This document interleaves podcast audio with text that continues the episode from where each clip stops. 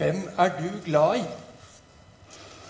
Nå hadde det vært veldig moro å ha dere foran meg her sånn, og at vi tok runden, og hver enkelt avslørte hvem de var glad i. Det hadde vært kjempekoselig, det hadde vært kjempespennende, og kanskje hadde det vært litt flaut for noen.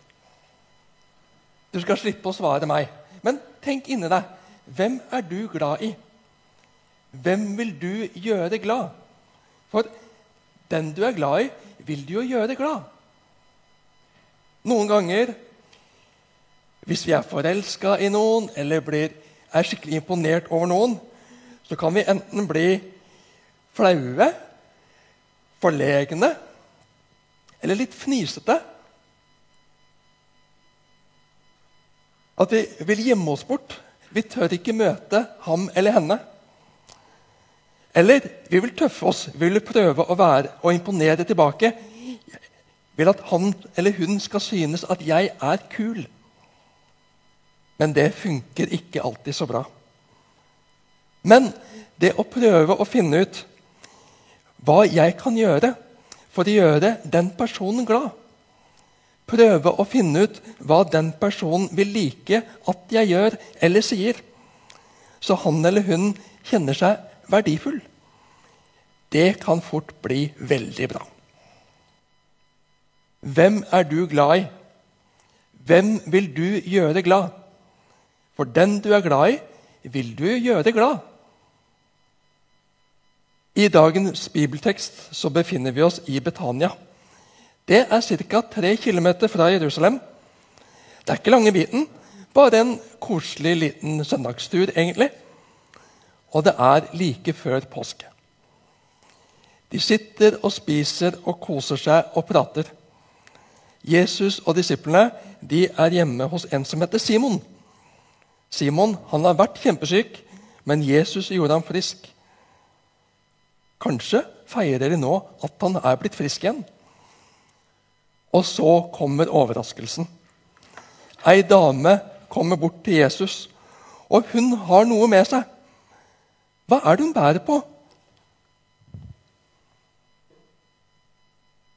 Hun bærer på ei flott krukke med kjempedyr salve oppi. Og Noen har prøvd å regne på hvor mye var denne salven verdt. Jo, Hvis vi gjør det om til norske kroner i dag, så er det, var den verdt 400 000 kroner. Det er vanvittig mye penger. Det kan vi få mye spennende for. Du, vet du hvor mange iPader vi kunne fått for 400 000 kroner? Du kan jo gjette, eller prøve å telle. Du får ganske mange iPader for 400 000 kroner. iPader for 400 000 kroner? Jo, da har du fått 80 iPader. Men 400 000 Tenk så mye is vi kunne fått for 400 000 kroner! Kronis, Er du glad i kronis? Gjett hvor mange kroneis vi kunne fått for 400 000. da. 13 333 kroneiser. Det er ikke verst. Så mye var den salven verdt som var oppi krukka til denne dama. Jeg tror ikke det finnes så dyr salve i Norge altså, i dag. Denne salven var kjempedyr, kjempeverdifull. Og hva gjør hun med den? Jo, hun heller salven, den kjempedyre, fine salven, over Jesu hode mens han sitter og spiser der sammen med Simon og vennene sine og alle i selskapet. Hvordan reagerer folk da? Hæ? Hva er det som skjer?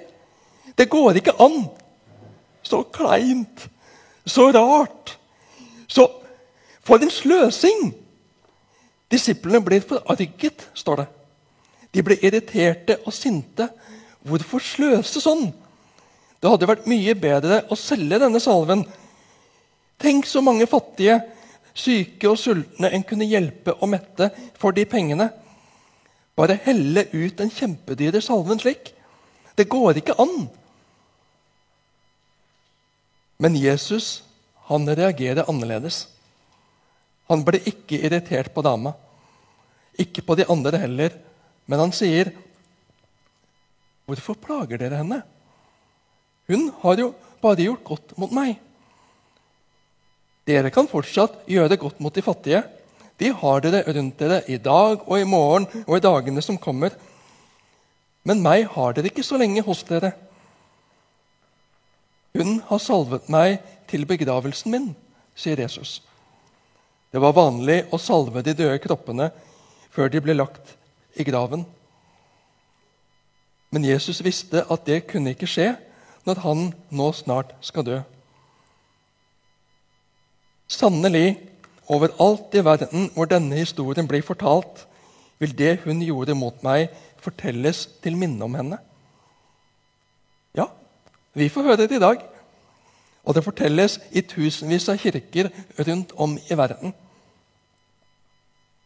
Jesus visste at han om få dager skulle få veldig vondt.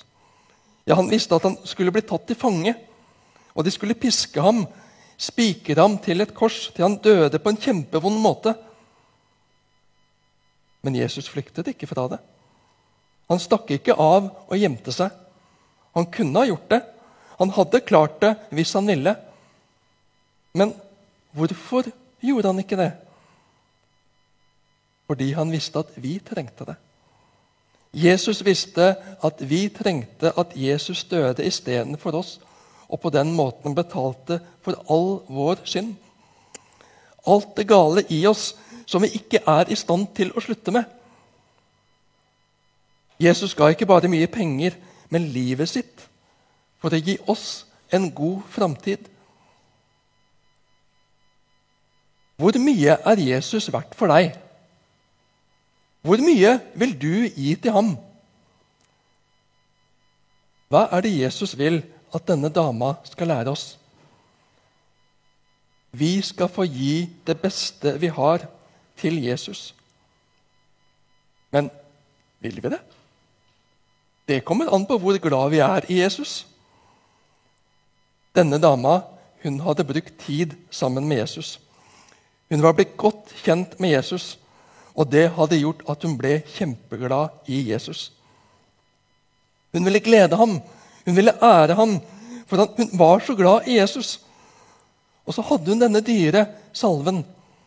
Hvordan hun hadde fått tak i den, fått den, det vet vi ikke, men hun hadde den. Det var nok det mest verdifulle hun hadde. Og det ville hun bruke på Jesus. Vi skal få glede Jesus vi skal få ære Jesus med det beste vi har. Hva er det beste du har? Hva er du god på? Hva er du glad i å gjøre?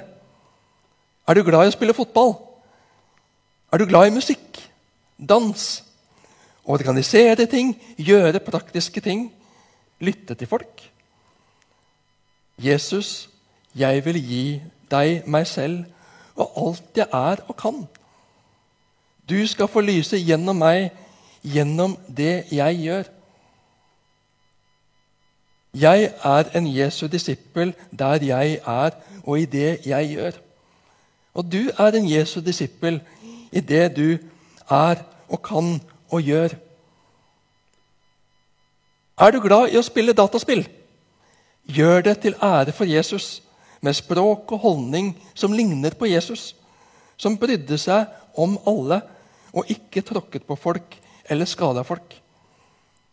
Er du glad i å synge? Syng til ære for Jesus, slik at folk blir nysgjerrig på Jesus når de ser og hører deg synge. Er du glad i å snekre? Er du glad i å strikke? Er du glad i å lage ting, gjøre ting med hendene? Gjør det alt sammen til ære for Jesus. Bruk det beste du har, til ære for Jesus. Alt vi gjør, skal vi få gjøre til ære for Jesus. Du skal ikke høre på den som sier du kan ikke holde på med det. Det er ikke sånn Jesus vil ha. Du burde heller Jo da. Du kan ære Jesus gjennom fotball, gjennom politikk, gjennom skole, gjennom dans, gjennom sang, gjennom fysisk arbeid gjennom å hjelpe mennesker. Ja, du kan til og med ære Jesus med å vaske do. Æsj! Ikke den. Æsj, må jeg? Kan ikke noen andre gjøre det? Nei. Tjene hverandre. Hjelpe hverandre. Det var jo det Jesus gjorde. Og jeg er med på vaskedugnad i Misjonshuset sammen med mange andre. Og det er god bruk for flere. Og noen av barnefamiliene i Misjonshuset har ikke besteforeldre i nærheten. Kanskje de kunne trenge barnevakt en gang iblant? Dama i bibelfortellingen i dag viser oss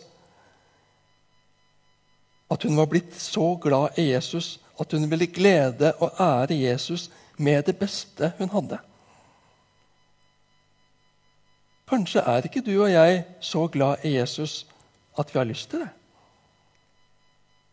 Kanskje har vi lyst til å bruke det vi har, på oss sjøl. Ha det for oss selv. Hvordan kan vi bli så glad i Jesus at vi vil gi ham det aller beste? Jo, gjennom å være sammen med Jesus. Bli bedre kjent med ham.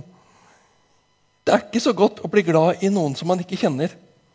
Men når du blir kjent med Jesus, virkelig godt kjent med Jesus, og skjønner hva han virkelig har gjort for meg og for deg, da blir jeg gira. Da vil jeg gjøre godt imot han også.